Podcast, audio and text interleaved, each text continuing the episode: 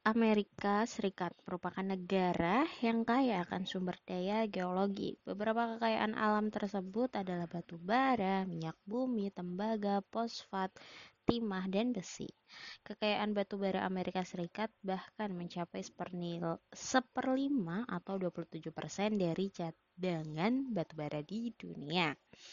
Beberapa bahkan bahan tambang yang dihasilkan Amerika Serikat adalah uranium, bauksit, emas, perak, merkuri, nikel, potas, besi, dan gas alam. Amerika Serikat juga memiliki daratan yang sangat luas dan cukup subur. Dataran tersebut bahkan ditanami tanaman sereal, terutama jagung, dan dijadikan daerah peternakan. Pada saat bangsa Eropa datang ke Amerika, bagian timur negara tersebut masih berupa hutan lebat.